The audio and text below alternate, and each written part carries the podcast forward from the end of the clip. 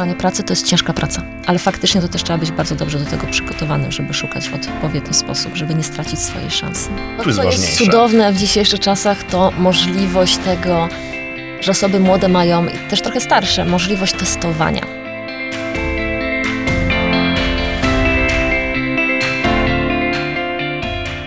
Cześć, z tej strony Janek Kundziołka. Zapraszam Cię do posłuchania pierwszego podcastu w historii zwolnionych z teorii. Zwolnieni z teorii to pierwsza praktyczna olimpiada dla licealistów i studentów. Uczestnicy realizują w niej swoje własne projekty społeczne i uczą się praktycznych kompetencji potrzebnych na rynku pracy. I właśnie o tym rynku pracy dzisiaj sobie trochę porozmawiamy. Razem z Konstancją Zyzik, menedżerem do spraw pozyskiwania talentów i rozwoju pracowników w grupie Pracuj, omówimy jak szukać swojej pierwszej pracy, na co zwrócić uwagę w tym procesie i jak zachwycić potencjalnego pracodawcę. Cześć Konstancja. Cześć, dzień dobry. Jak tam żyjesz w tych szalonych nowych czasach? Ja bardzo dobrze, praca zdalna. Pracujecie zdalnie. Wszyscy pracujemy zdalnie. Mamy teraz możliwość powrotu do biura dla osób zainteresowanych i chętnych, więc warto wracać do, do normalności. Przychodzę raz w tygodniu do biura O, jest bardzo ciekawie i jest przyjemnie zobaczyć znowu koleżanki, kolegów. My też w zwolnionych powoli otwieramy swoje biuro, więc też powoli, powoli wracamy. A jak ci się w ogóle praca zdalna podobała? To znaczy, to jest twój styl pracy, czy jednak lubisz być w tym biurze? Kiedyś myślałam, że praca zdalna w większej ilości będzie moim marzeniem i to będzie coś, co będę chciała faktycznie gdzieś tam pielęgnować. Teraz widzę po tych dwóch i pół miesiąca, nawet trzech już w tym momencie, że może raz, dwa razy w tygodniu, ale tak naprawdę ludzie są bardzo istotni, interakcje, spotkania, ta kawa z kolegami z pracy, nawet spotkanie na korytarzu. E, Myślę, że nie jesteśmy w stanie zastąpić jednak interakcji międzyludzkich i tej bliskości i tego, że możemy się spotkać nawet w sali konferencyjnej, usiąść i te pierwsze kilka minut porozmawiać o tym, jak tam twój pies, jak tam wakacje, co u ciebie słychać, fajnie, że się mo- możemy spotkać. Ale ogólnie efektywność jest i można zrobić bardzo dużo pracując zdalnie, oczywiście, jeżeli masz na to warunki, tak? Więc to wszystko zależy od tego, czy masz przestrzeń, z kim mieszkasz, z kim nie mieszkasz e, i jak w ogóle jesteś w stanie się zmotywować do takiej pracy, bo to też nie jest takie proste. No to też wprowadza chyba takie nowe zasady w domu, nie? Jakby musi być, nie wiem, pokój spotkań albo przestrzeń na te spotkania, coś nowego. Tak, ja mam jeszcze do tego zwierzęta, więc wyobraź sobie telekonferencję, gdzie nagle ktoś widzi na ekranie ogon mojego kota. E, Więc to są takie zabawne e, momenty, bo też poznajesz bardzo dużo osób od strony takiej prywatnej, na zasadzie nagle dzieci, partnera gdzieś tam z tyłu, e, albo właśnie psa, który tupie za każdym razem łapami, więc trochę inny sposób pracy, ale bardzo ciekawy i myślę, że też się poznajemy po prostu trochę z innej perspektywy. Fajnie, fajnie. No ten, Ciekawe doświadczenie bardzo. ta nowa sytuacja daje nam dużo zmian i właśnie zastanawiam się, jak daje zmiany, jeśli chodzi o ten rynek pracy, bo tyle słyszymy, bezrobocie, ludzie tracą Mhm. pracę. E, No i dzisiaj mamy rozmawiać i dawać wskazówki naszym finalistom, jak zdobyć tę pracę, najlepiej już za chwilę. Czy w ogóle tę pracę można teraz dostać? Ja się zastanawiam. Czy jest tak, że faktycznie dalej jest rynek pracownika w jakimkolwiek stopniu, czy może to się troszkę zmieniło? E, Czy faktycznie dalej jest tak łatwo tę pracę zdobyć? Po pierwsze, bardzo dużo pracodawców widzimy, że się w bardzo szybkim, ekspresowym tempie przepieli na rekrutację w ogóle zdalną, żeby nie O. musieć się w ogóle face to face spotykać e, z kandydatami. Coś, co przedtem było mile widziane, dużo osób próbowało, dużo firm faktycznie tak działało, ale raczej międzynarodowych, które po prostu były jako korporacje do tego przy, przyzwyczajone, czy mieli bardzo rozproszone struktury. A teraz faktycznie widzimy też na naszym portalu na pracuj.pl e, mamy taki znaczek, jeżeli chodzi o to, czy pracodawca rekrutuje zdalnie, co oznacza, że Faktycznie możesz cały proces przejść w formie online. e, Razem, A razem z z tym procesem wdrażania? Wdrażacie też online? To znaczy nie, nie E, My tylko- też, myśmy się, też my jako nie? Firma też przepięliśmy się totalnie na e, przede wszystkim rekrutację online i nagle się okazało, że to można zrobić. Nagle się Mm. okazało, że to wcale nie jest takie trudne i czasami jest tak, że jak musisz, to po prostu to zrobisz, tak? Pewnego rodzaju przyzwyczajenia oczywiście zawsze pozostaną i te preferencje jednak spotkania się face to face, ale to się da zrobić. Jeżeli chodzi o onboarding e, zdalny, to też dla wielu firm do tej pory e, był standard, Ale teraz faktycznie widzimy, że jest taki bardzo duży boom na to, żeby przede wszystkim uczyć dużo organizacji, jak to robić w efektywny sposób, jak to zrobić, żeby to też było um, przyjemne dla osoby, która przychodzi do firmy i żeby ona też była zaopiekowana, no bo jednak ten stres jest ogromny w momencie, kiedy nawet nie jesteś w stanie wejść do biura i zobaczyć swojego szefa, swoich koleżanek, tylko wdrażasz się zdalnie, pozyskujesz wiedzę zdalnie. Ja miałam taką sytuację. Moja koleżanka z zespołu, czy mój pracownik e, przyszedł 1 marca, był z nami 9 dni, 10, 10 aż do dzisiaj jest na pracy zdalnej. Wdrażanie osoby, która ma być ekspertem i która musi pozyskać bardzo dużą ilość wiedzy i informacji zdalnie, to jest duże wyzwanie, ale to się da zrobić. No jeszcze ważne jest to pierwsze wrażenie, nie? I ciężko jest je zbudować pracując przez Zooma albo Google Hangouts. Tak, ale widzę, że ludzie są bardzo kreatywni, my też jesteśmy. E, jest teraz bardzo dużo informacji, porad. E, my też mamy taki cykl na Pracuju, E, dla klientów, potem wewnętrznie dla pracowników robimy, robimy webinary z ekspertami, też żeby się uczyć pewnych nowych sposobów funkcjonowania, ale też radzenia sobie z tym stresem, radzenia sobie z wyzwaniami, które niesie pandemia, które niesie jednak zamknięcie, bo to zamknięcie trwało te kilka dobrych tygodni. E, ten stres na pewno nie pomaga, ale można sobie z nim na różne sposoby radzić. To jest fajne, że faktycznie też koleżanki e, z Pracuja tutaj e, proponowały e, i dla pracodawców, i dla kandydatów pewnego rodzaju spotkania z ekspertami, żeby i od takiej strony psychologicznej i od mhm. strony takiej już narzędziowej z pracą zdalną po prostu się tego uczyć wspólnie. No i właśnie wspomniałaś o tym, że w firmach pojawiają się nowe zadania w związku z tą sytuacją. Tak, trzeba robić nowe rzeczy, trzeba być jeszcze bardziej przedsiębiorczym. A jak to wpływa na oferty pracy? To znaczy, czy tych ofert jest teraz dużo mniej, czy może jest podobna ilość? Jakie są w ogóle szanse zdobywania tej pracy teraz? To chyba, chyba wszystko zależy od sektora, od branży, mhm. E, bo wiemy, co się stało z branżą turystyczną przez ten pierwszy okres. Wiemy, jak wyglądała kwestia e, z restauracjami, e, z hotelami. Mm, to było dość mocno zamrożone w tym momencie. Ale na mamy około 50 tysięcy ofert. Tych ofert jest sporo. Są takie branże, które nie wyhamowały. I nawet na przykład, jeżeli mamy oferty do miejsc, gdzie jest taka sama ilość ogłoszeń, to nie oznacza, że pracodawca nie szuka większej ilości osób.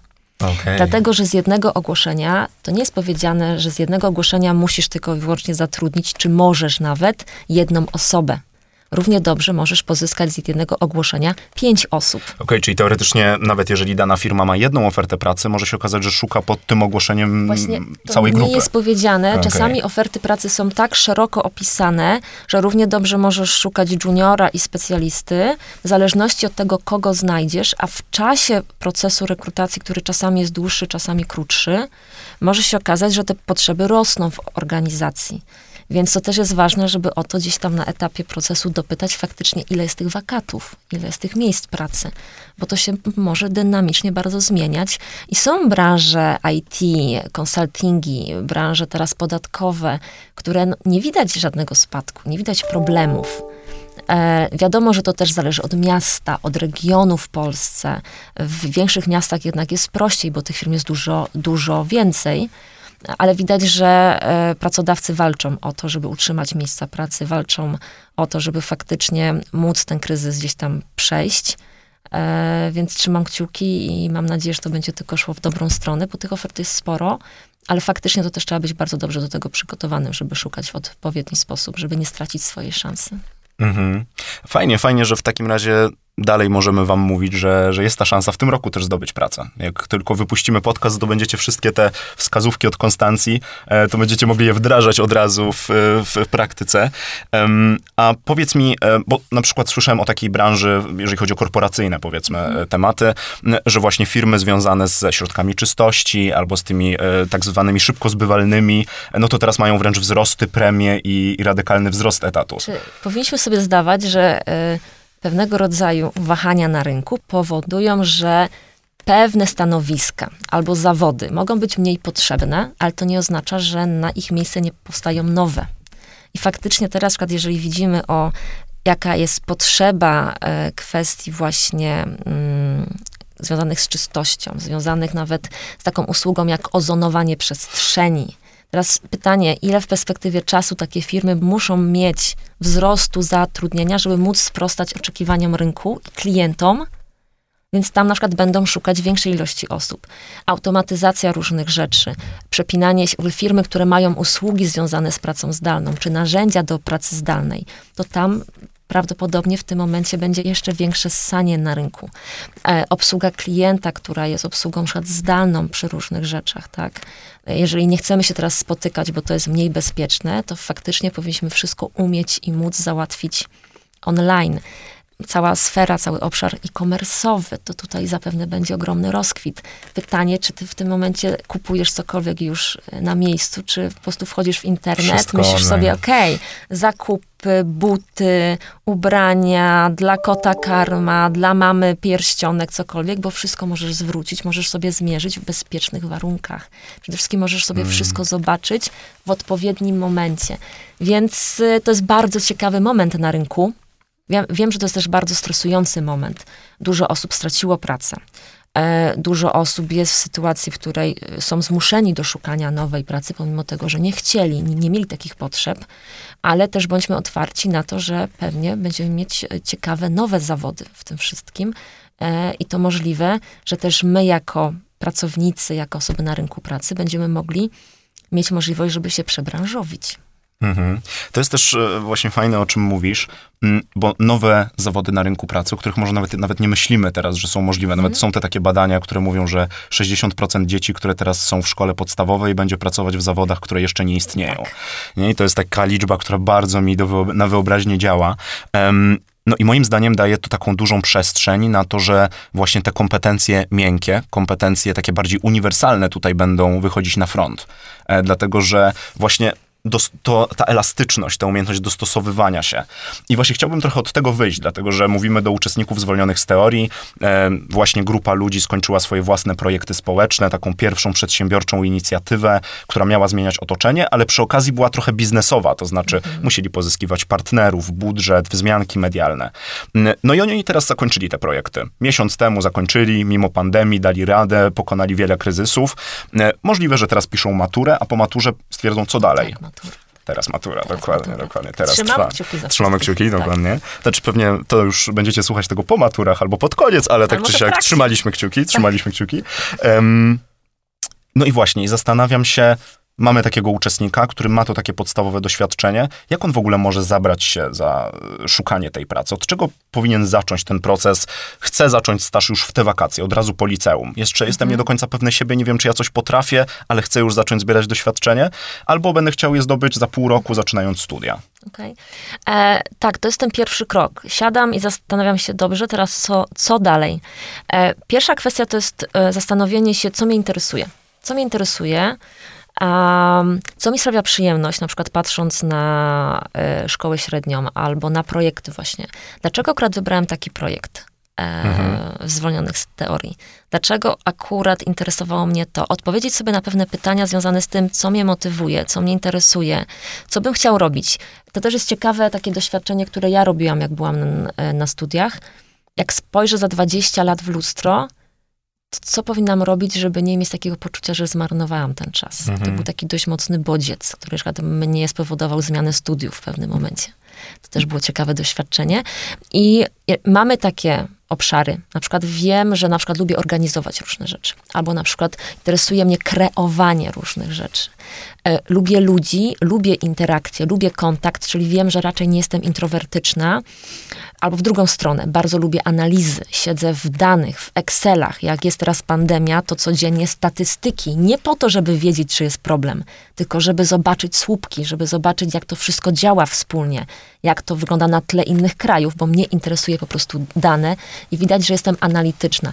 Jeżeli sobie pogrupujemy te wszystkie rzeczy na zasadzie jakie widzę, że mam mocne strony już z perspektywy czasu, co widzę na przykład, że mi sprawia trudność. I to jest tylko pytanie, czy będę chciał z tym coś zrobić, czy to jest coś, co na przykład uważam, że mm, to jest za dużo już i nie chcę nad tym mhm. pracować. Na, na przykład introwersja, bo to też nie jest nic złego, tak? I wtedy, jak sobie siadam i sprawdzam, ok, dobra, przykładowo, lubię coś organizować, jestem kreatywna, uwielbiam ludzi, e, marketing na przykład marketing. Teraz tylko pytanie, który? Mamy offline, online, eventy, B2B, B2C. Jest tego tak dużo. A jak się w to wdrożyć? Bo ty już wiesz, że jest sześć rodzajów, mhm. ale jak nasi uczestnicy, ja też robiłem swój projekt w Zwolnionych wiele lat temu, e, no i ja wiedziałem tylko, że jest marketing. Po prostu miałem Facebooka swojego projektu, mhm. E, miałem Instagrama swojego projektu. Ja wtedy zrobiłam, Tyle. to było wiele lat temu, zrobiłam takie ćwiczenie, to znaczy weszłam na ogłoszenia, czytałam wszystkie ogłoszenia z obszarów, które mnie interesują i po ogłoszeniach widziałam po pierwsze, jakie są stanowiska, Mhm. No wtedy też e, nie było aż tak to wszystko różnorodne, tak jak jest teraz, bo to było 14 lat temu. E, ale przede wszystkim czytałam ogłoszenia, sprawdzałam wszystkie aspekty stanowisk i tego, jakie są opisy tego, co będę robić. I to mi trochę dawało informacje, jak wygląda ta praca. Można sobie wygooglować szybko, co to znaczy. Dokładnie. To, to Teraz to już w ogóle jest super, tak? Na przykład, no. co robi specjalista od SEM, a co robi specjalista od SEO, tak? Podobne, ale trochę co innego jednak, nawet bardzo momentami. E, potem e, sprawdzamy, jakie są oczekiwania przy tym. Czyli na przykład, jeżeli już mniej więcej na przykład wiem, że mnie interesuje akurat big data albo e, machine learning, to wtedy wiem na przykład, że trzech pracodawców mniej więcej pokrywa się z oczekiwaniami. To znaczy wiem, na przykład, co muszę spełnić, żeby móc w tym zawodzie rozpocząć w ogóle pracę, tak? Mm, a to też jest dobre na przykład, żeby wejść w ogóle, coś takiego jest na Pracuju, obok jak masz ogłoszenie, jest e, profil mm, pracodawcy. I tam są duża ilość informacji w ogóle o firmie, do której potencjalnie aplikujesz, bo to też jest istotne, gdzie pójdziesz do pracy, tak? To jest coraz ważniejsze dla osób, szczególnie młodych, jaka to będzie firma, czy to będzie korporacja, czy to będzie startup, czy to jednak będzie um, pożytku publicznego, jakaś instytucja, są różne też oczekiwania, potrzeby, na to też musimy sobie odpowiedzieć czy mnie interesuje praca e, z językami obcymi, czy mnie raczej interesuje bardzo szeroki zakres, bo jestem bardzo kreatywna i lubię pracować w w chaosie, bo część osób po prostu hmm. lubi. Czy wolę mieć jednak wąski zakres i specjalizację bardzo wąską, bo to nam generuje konkretne odpowiedzi na to, jakiego środowiska pracy prawdopodobnie będziemy szukać i w jakim będziemy się dobrze czuli. A jakbyś miała zważyć, bo wspomniałaś tu o dwóch typach jakby filtrów, które możesz stosować mhm. na oferty pracy. Z jednej strony takie kompetencyjne trochę, czyli interesuję się marketingiem, interesuję się finansami, więc szukam roli w tym temacie. Z drugiej strony troszkę bardziej tak obszarowo, czyli e, organizacja pożytku publicznego, a może coś rządowego, a może korporacja, a może startup. I zastanawiam się, jak szukam tej swojej pierwszej pracy, od razu po liceum albo na pierwszych latach studiów, to bardziej powinienem się skupiać na tym, żeby znaleźć na przykład pracę w marketingu, czy powinienem się skupić, interesuję się bankami, chciałbym pracować w banku, to znajdę jakąkolwiek pracę w banku. Trochę na tej zasadzie. Co to, tu jest co ważniejsze? jest cudowne w dzisiejszych czasach, to możliwość tego, że osoby młode mają i też trochę starsze, możliwość testowania. To nie jest mhm. powiedziane, że ty w wieku 25 lat, czy nawet 21, czy 26 musisz już mieć tak sprecyzowane oczekiwania i to, co chcesz robić, że nie masz prawa zmienić, że nie masz prawa weryfikować. Właśnie powinieneś. Dlatego, że to, co jest najgorsze, to wykonywać zawód czy pracę, której się nienawidzi, a się w niej siedzi, dlatego, że nie wiem, rodzice oczekują, że będziesz tam w przyszłości dyrektorem, albo dziadek był farmaceutą, to ja też będę. E, bo to jest fajne, że czasami spełniamy oczekiwania osób dookoła nas, ale potem jest pytanie, czy to jest coś, co nas y, interesuje. Ja jestem fanem tego, żeby testować. To znaczy, mamy mm, tak dużo możliwości sprawdzenia. Po pierwsze, mamy praktyki, mamy staże, mamy wolontariat, mamy różnego rodzaju dorywcze prace. I nikt od ciebie nie oczekuje, że ty po pierwszym stażu będziesz przekonany, że to już jest to. I to jest trochę tak, że to, to dotyczy i Mm, zawodu i dotyczy firmy, w której chcę pracować. Bo to jest trochę tak, że w dzisiejszych czasach jest takie duża, duże przekonanie, że korporacja to zło. Mhm. Tak? Boże, nie chcę być korposzczurem. E, nie chcę pracować w dużej, w dużej firmie. Każda firma powyżej pewnej liczby zatrudnienia jest korporacją, ale to nie oznacza, że to jest coś złego. Korporacja ma... To zależy od stylu w środku, nie? Zależy od stylu, zależy od tego, e, jakiej narodowości jest firma, tak? Bo to też mhm. ma pewną kulturę organizacyjną. E, zależy też od tego, e, czy ta firma ma kulturę rozproszonej pracy, czy jednak pracy na miejscu. To też dużo nam daje. Um, i to jest trochę tak, że fajnie jest sprawdzić, bo dużo osób teraz mówi, nie no, startup, w ogóle efekt wow. Ja znam też sporo osób, które odchodziły z korpo i szły do startupu i nagle wracały po roku i mówiły, byłem przekonany, że po prostu firma, w której byłem, to było jakieś totalne zło. Bo jest, są zasady, Każdy ma wyznaczone za, zadania. Konkretne Miałem procesy. wrażenie, że to jest takie nudne, że się duszę, że chcę robić coś więcej. Po czym poszedłem do, star- do startupu i się okazało, że tam jest drugą stronę. Tam każdy robi co drugi dzień coś innego. Tam musisz się przepiąć z trochę marketingowca potem na zrekrutowanie kogoś, A, a, potem, robisz podatki. a potem co, jakby co innego. I przede wszystkim bardzo często nikt ci nie wyznacza tych zadań, albo oczekuje od ciebie na bardzo niskim już etapie, na zasadzie znaczy niskim, na bardzo wstępnym etapie twojej kariery bardzo dużo samodzielności i bardzo dużo proaktywności. Nie każdy jest taką osobą i nie każdy będzie w stanie tak szybko wejść w taki sposób funkcjonowania. To znaczy osoby bardzo często młode jednak potrzebują mieć pewnego, pewne ramy wdrożenia, nauki, trochę takiego mentora gdzieś e, u siebie w zespole, który będzie ich czegoś uczył, tak? I na tym ta, ta praca też polega osób, które są starsze od ciebie i bardziej doświadczone w firmie, że uczysz się nie tylko sam, ale też od osób, które są dookoła. Ale bardzo często w mniejszych firmach może na to nie być przestrzeni aż tak bardzo, tak? Możesz dostawać tak zwane, em, możesz być po prostu proszony o to, żeby zrobić projekty, które dla ciebie mogą być em, za mocne albo zbyt jednak samodzielne, ale taka jest kultura bardzo często startupu. Więc nie każda kultura jest dla nas, ale fajnie, żebyśmy mogli sobie to sprawdzić sami. Bo potem dlaczego masz się przez kolejne 8 lat zastanawiać, kurczę, ale gdybym pracował tam, no bo tam Andrzej jest i jest w ogóle super, tak? Tylko Andrzej może mieć inne potrzeby niż ja. I potem bardzo często ludzie się jednak zastanawiają, kurczę, co by było gdyby?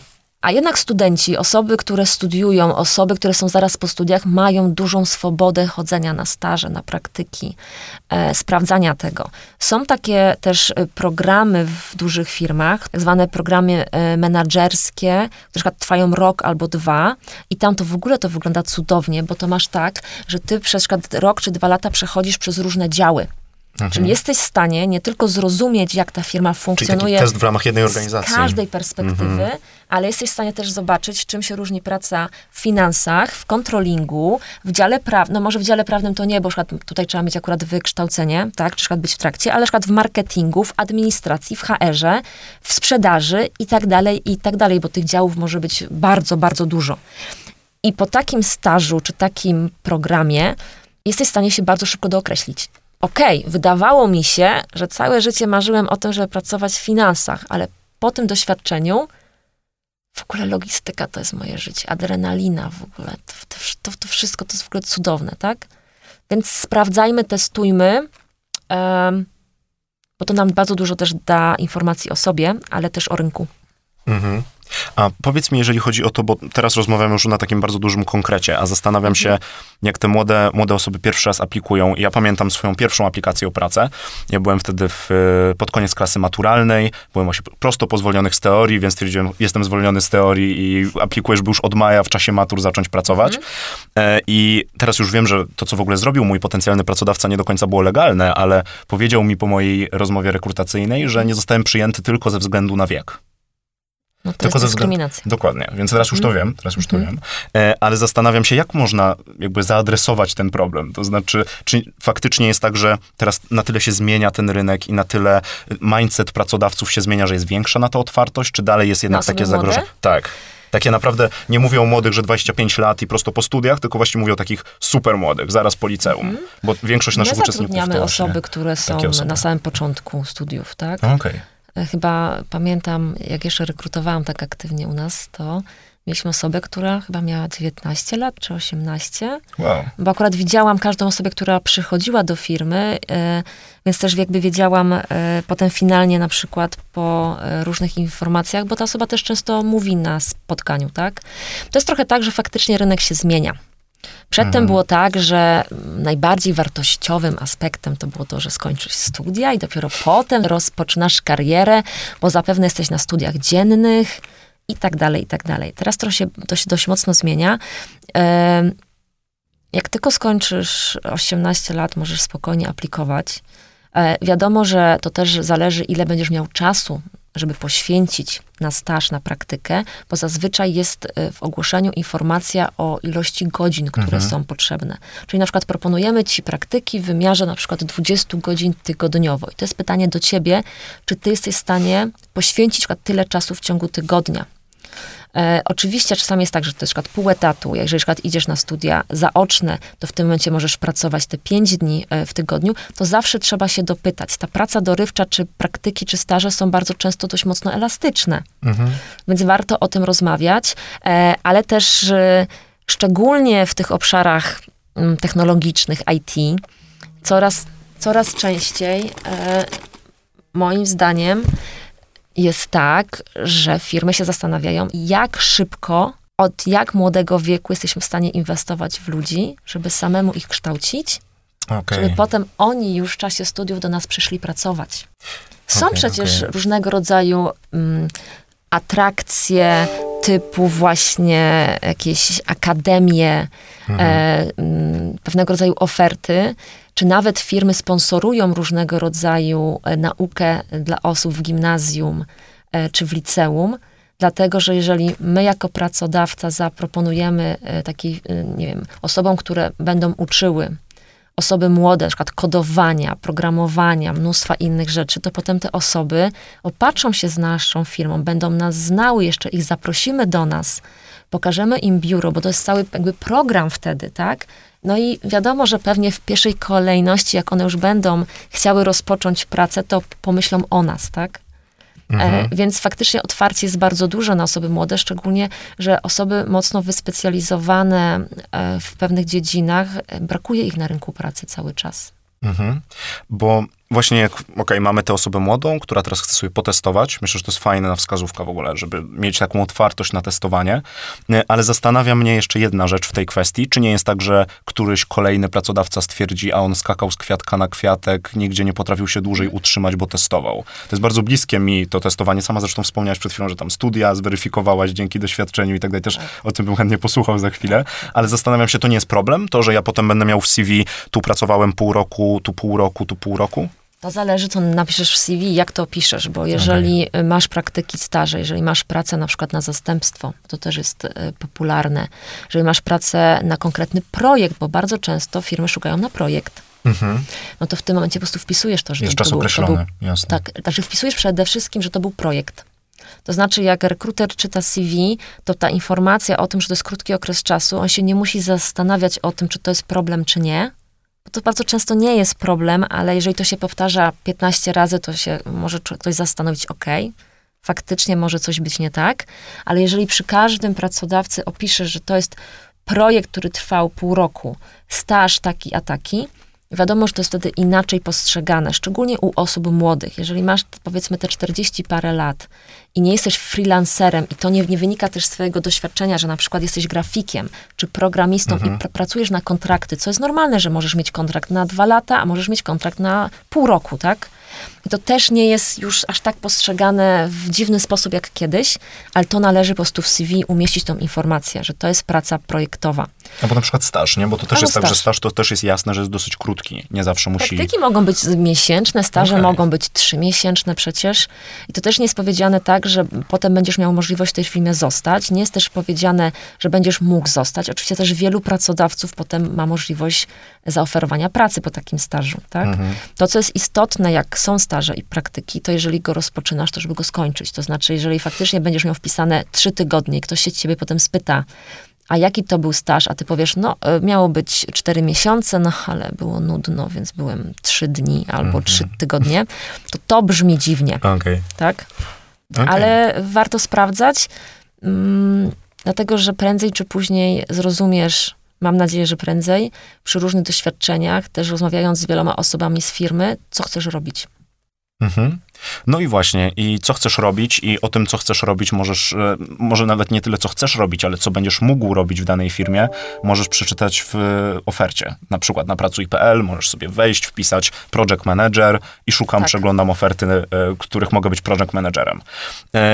Jak w ogóle do tego podejść? Bo tak jak mówisz, macie 50 tysięcy tak, ofert pracy w tym momencie na... na... Masz wyszukiwarkę i Co? możesz wpisywać po e, nazwach stanowisk, możesz wyszukać pracodawcę konkretnego. To też jest tak, że m, bardzo dużo osób ma pewnego rodzaju wyobrażenie czy opinię na temat danego pracodawcy i szuka pracy akurat tam. Mhm. E, I warto na przykład zobaczyć, co ten pracodawca oferuje. E, zobaczyć, ile ma ogłoszeń, zobaczyć faktycznie, jak on te ogłoszenia po prostu, one są napisane, czy jest w danym momencie ogłoszenie akurat takie, które mnie interesuje, więc możesz wyszukiwać na przykład po Warszawie tylko i wyłącznie. Wtedy faktycznie wyjdzie ci bardzo dużo, tak? Po obszarach, em, po nazwach stanowisk, albo właśnie po pracodawcach. Mhm. A na co zwrócić uwagę, przeglądając te oferty pracy? Bo załóżmy, że już wiem, że to będzie marketing, tak? Na przykład, że bardzo chcę działać w tym marketingu i na przykład, że to jest organizacja pozarządowa, bo akurat mam misję społeczną w sobie. E, No ale załóżmy, że mam 30 takich ofert pracy, no i je przeglądam. Wszystkie firmy, załóżmy, że coś mi mówią, nie ma znaczenia tutaj firma, e, w której jesteśmy. Na co zwrócić uwagę, żeby zaaplikować akurat tutaj? I teraz tak. E, pierwsze co, to dla mnie to jest, dla mnie było i jest nadal istotne, żebyś, jak czytasz ogłoszenie, żebyś zrozumiał, co będziesz robić. Okej. Czyli jeżeli szukasz w eventach, czy w SEMSEO na przykład, no to żebyś faktycznie mógł sobie mniej więcej wyobrazić, jak ta praca będzie wyglądała. Bo jeżeli tam jest napisane tylko i wyłącznie praca w marketingu, to to ci za dużo nie da. Ale jeżeli masz już mniej więcej opisane, że na przykład, nie wiem, zespół jest kilkuosobowy, że to są na przykład eventy międzynarodowe, albo e, jest to praca z jakimś systemem, czy na przykład już wtedy wiesz, że są systemy w firmie, to znaczy firma działa w sposób profesjonalny. E, jeżeli na przykład masz informacje e, przy okazji, jak, jak inne zadania dookoła tego wyglądają, to czym więcej informacji, tym bardziej jesteś w stanie sobie wyobrazić, jak praca będzie wyglądała, ale też, czy to jest coś, co ciebie interesuje. Mhm. I dopiero potem tak naprawdę patrzysz na oczekiwania. E, to znaczy sprawdzasz sobie, ok, tutaj się sprawdzam, tutaj jestem ok. To też nie jest powiedziane, że musisz na wszystkie oczekiwania być w 100% idealnym Właśnie kandydatem. zapytać. Czy to jest tak, że te oczekiwania, nawet jak coś, jak coś jest na przykład napisane, bo czasami to dzielą na must have, nice to have, albo musisz mieć, możesz, preferowane. Jak do tego podchodzić? To znaczy, jak jest y, siedem rzeczy must have, ja mam z tego pięć, aplikować czy nie aplikować? I teraz, jeżeli na przykład jesteś osobą, która szuka pracy w firmie francuskojęzycznej, no i oni piszą pierwsze co, język francuski, tego nie masz, no to bym się zastanowiła, czy aplikować. Też bym się. Może się nie udać. Jest taka szansa.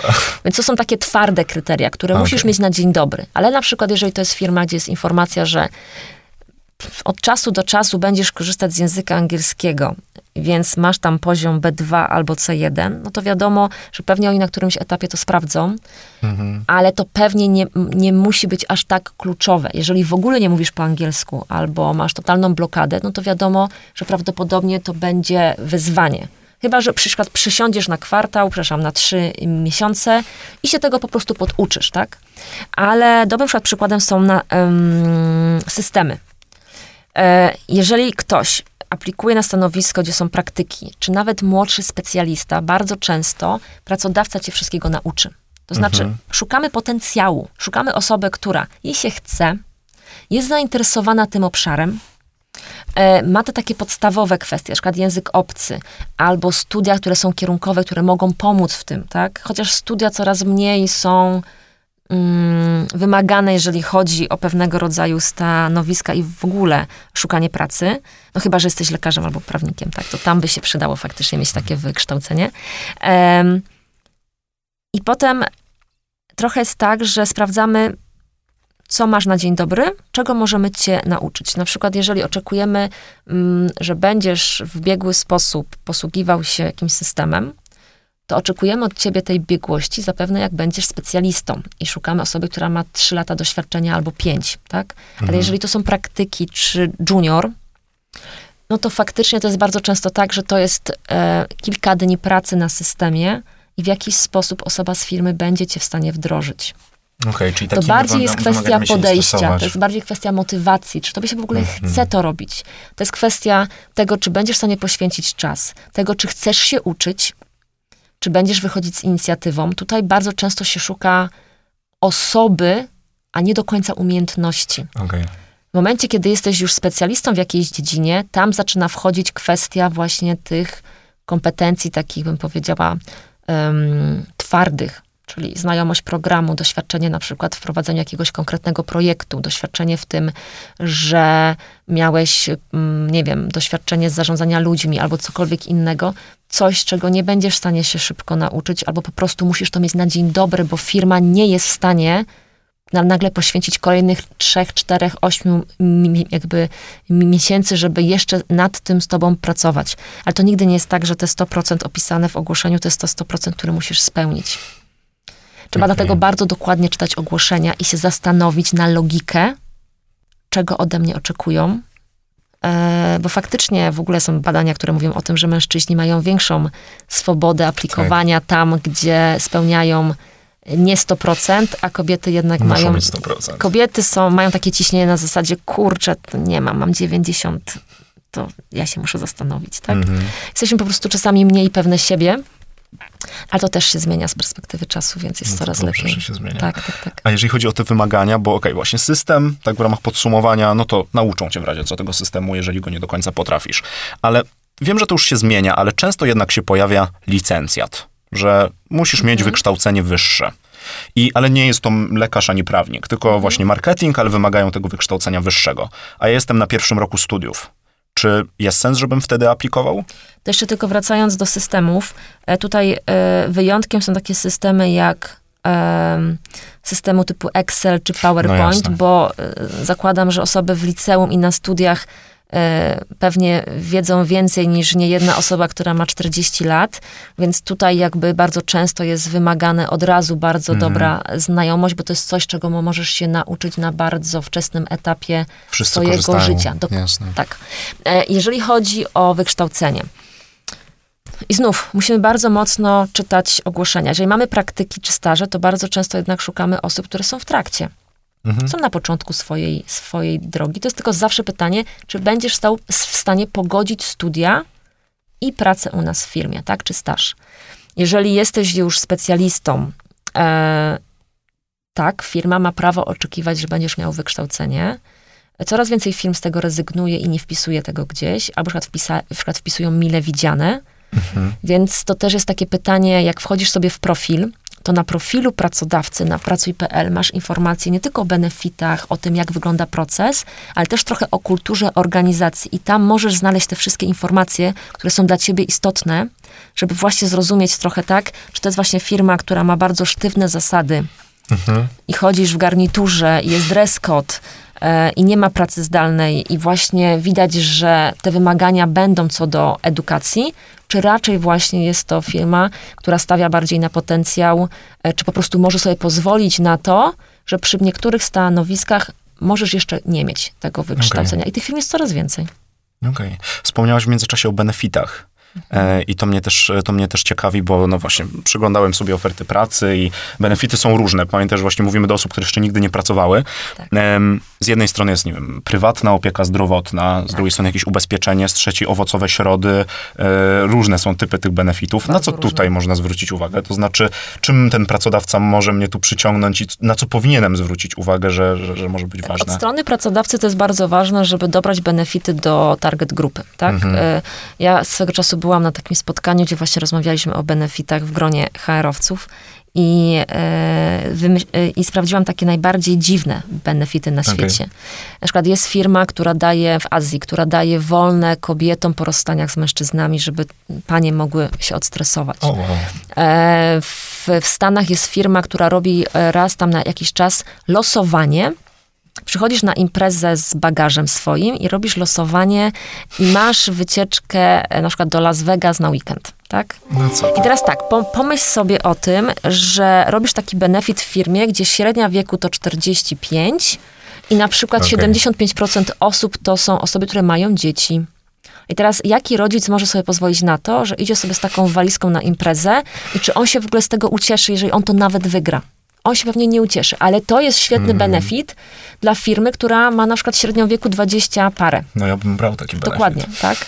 E, więc dopasowujemy benefity do osób, które mamy w organizacji i do osób, które chcemy przede wszystkim przyciągnąć. Okay. I jak czytamy te informacje, to warto przede wszystkim zacząć sobie też sprawdzać, co to w ogóle oznacza i w czasie procesu rekrutacji dopytać, czy to jest benefit, który jest w 100% pokrywany przez pracodawcę, czy ja muszę współfinansować ten benefit, bo to też jest bardzo różnie.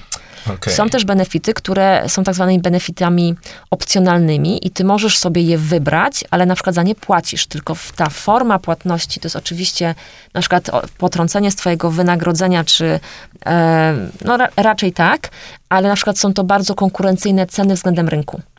Więc to też się trzeba zastanawiać, ponieważ ogłoszenia są tak skonstruowane, że ludzie mają nie chcemy czytać aż tak dużo, więc bardzo często ten, ta część z benefitami jest graficzna i jest mhm. tylko hasło, na przykład karta, na, si tak, karta tak. na siłownię, opieka medyczna. I potem pytanie, czy firma mi to daje, czy ja muszę uczestniczyć w kosztach, czy ja to mogę wybrać spośród kilku, mhm. czyli nie będę mieć zawsze wszystkiego. Okej. Okay. Tak. Okej. Okay. No dobra, to wiemy, A tutaj wiemy sky już... is the limit, to naprawdę... No tak, ja sobie właśnie przed naszą rozmową trochę poprzeglądałem i są różne szalone rzeczy tam. To jest w faktycznie... UK można, w można UK wybierać. czytałam o firmie, która ma benefity takie, że daje wolne, chyba 5 dni, 4 dni w roku i masz, to się jakoś tak pięknie po angielsku nazywało, ale chodziło o to, że możesz sobie iść na przykład na liposukcję, na lifting, na o, botox. finansowali to? Czy... Oni tego nie finansują, okay. ale dają ci wolne zadania, znaczy w ramach mm -hmm, pracy, mm -hmm. tak? I na przykład możesz przykład iść na jakiś kurs czegoś. To chodzi o to, żeby tak w sposób mm, zaopiekować się trochę psychicznie i fizycznie pracownikiem, bo na przykład pracownik chce na przykład jechać na kilka dni na jakiś kurs instruktaż, nie wiem, jogi, czegokolwiek innego. To też jest ciekawe. Więc faktycznie teraz e, no to nieźle. To, są to, to, bardzo ciekawe rozwiązania na świecie.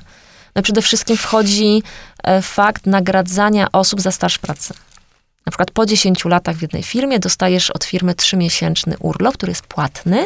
Mhm. Tak jest chyba w Australii, w niektórych firmach. A w Stanach w ogóle po 10 latach nie tylko dostajesz płatny, znaczy nie tylko dostajesz płatny urlop, ale też firma ci daje tam x dolarów na to, że możesz pokryć ten wyjazd ich pieniędzmi. No słyszałem też o takich rzeczach, że na przykład jeżeli polecisz pracownika do naszej firmy, on się dostanie, to, to ty coś tam dostajesz. To jest standard, my mhm. też mamy taki program. Okay. Każdy pracownik może polecić osobę i w momencie zatrudnienia e, są wypłacane na przykład po okresie próbnym pieniądze. I to rynkowo działa bardzo różnie, jeżeli mhm. chodzi o poziomy premii, o formę, ale też czy to jest wynagrodzenie, czy to jest nagroda, e, bo na przykład można kupić równie dobrze przykład voucher e, mhm. na samolot. To też teraz dużo osób, no może nie obecnie, ale... Teraz ciężko. Mówimy o sytuacji, w której nie ma pandemii. Na przykład jest to inaczej też opodatkowane, tak? Więc o. możesz na przykład dać więcej, a masz koszty po stronie pracodawcy trochę mniejsze. To zależy też, jaki mamy pracowników i co mhm. dla nich będzie wartościowe, bo może dla osób z IT będzie coś innego niż dla osób ze sprzedaży. Czyli tak? szukać Czy... benefitów takie, które akurat są dla mnie, znaczy, które mnie akurat tutaj tak, wkręciły. Tak, tak, tak. tak. No na przykład, jeżeli masz psa, e, nie masz dzieci. Możesz go przeprowadzać do biura. Możesz go przeprowadzać do biura, albo na przykład e, firma ci umożliwia mm, ubezpieczenie dla swojego pupila. Wow. Są też takie opcje. I dzięki temu na przykład, jeżeli szczególnie przy psach, które jednak opieka medyczna bardzo często, jak już dochodzi do zabiegów, to jest droga kwestia. Mm. Na przykład firma ubezpieczy, ten ubezpieczycielka ci zwraca pieniądze za na przykład operację twojego y, zwierzaka, albo jesteś w ogóle ubezpieczony i możesz pokrywać z tego ubezpieczenia na przykład opiekę, e, jakieś różnego rodzaju zabiegi i inne rzeczy. To wiesz, zależy kim jesteś i jak też spędzasz czas, tak? Mm. No Są ciekawe bardzo rzeczy. Konstancja, dzięki wielkie. Wiemy już coś o ofertach pracy, wiemy jak podejść do tego szukania pracy. To jest moim zdaniem naprawdę trudny moment. To znaczy, jest i taki trudny. kluczowy, nie? No, dla całego tego procesu, żeby zdecydować gdzie, jak i w ogóle siąść do tego procesu i się zmotywować. No ale nas czeka jeszcze, jeszcze tak, kwestia... szukanie pracy to jest ciężka praca. To jest ciężka praca. To jest ciężka I praca trwała, i musimy to znaczy, sobie to zdawać z tego sprawę. Nie, nie, nie możemy czekać na wyniki w ciągu tygodnia. To znaczy, to jest często bardzo długofalowe. Nie? Może ci się zdarzyć, że dostaniesz od razu ofertę, tylko to jest, to jest pytanie, czy ty się odpowiednio zastanowiłeś, czy czego to jest ta oferta, bo może gdybyś się lepiej przygotował, to byś aplikował gdzie indziej, ale też jestem fanem tego, żeby chodzić na spotkania. Po każdym spotkaniu rekrutacyjnym masz dużo więcej wiedzy i też się czujesz dużo bardziej pewnie. No i właśnie, myślę, że w kolejnych częściach tej rozmowy pogadamy sobie trochę więcej, co zrobić, żeby się dostać na tę rozmowę rekrutacyjną, potem jak przeżyć tę rozmowę, sukcesem oczywiście. Em, Także to jeszcze przed nami. E, Wam bardzo dziękuję za przesłuchanie tego pierwszego podcastu w Zwolnionych z Teorii. Przed nami kolejne. E, Bardzo tobie też dziękuję, e, Konstancja, za super wiedzę, którą taką ekspercką, której mogliśmy e, Dziękuję posłuchać. bardzo za zaproszenie. E, Przed nami tutaj była, rozmawiała ze mną Konstancja Zyzik, menedżer do spraw pozyskiwania talentów i rozwoju pracowników w grupie Pracuj. Jeszcze raz dzięki, Konstancja. Dzięki.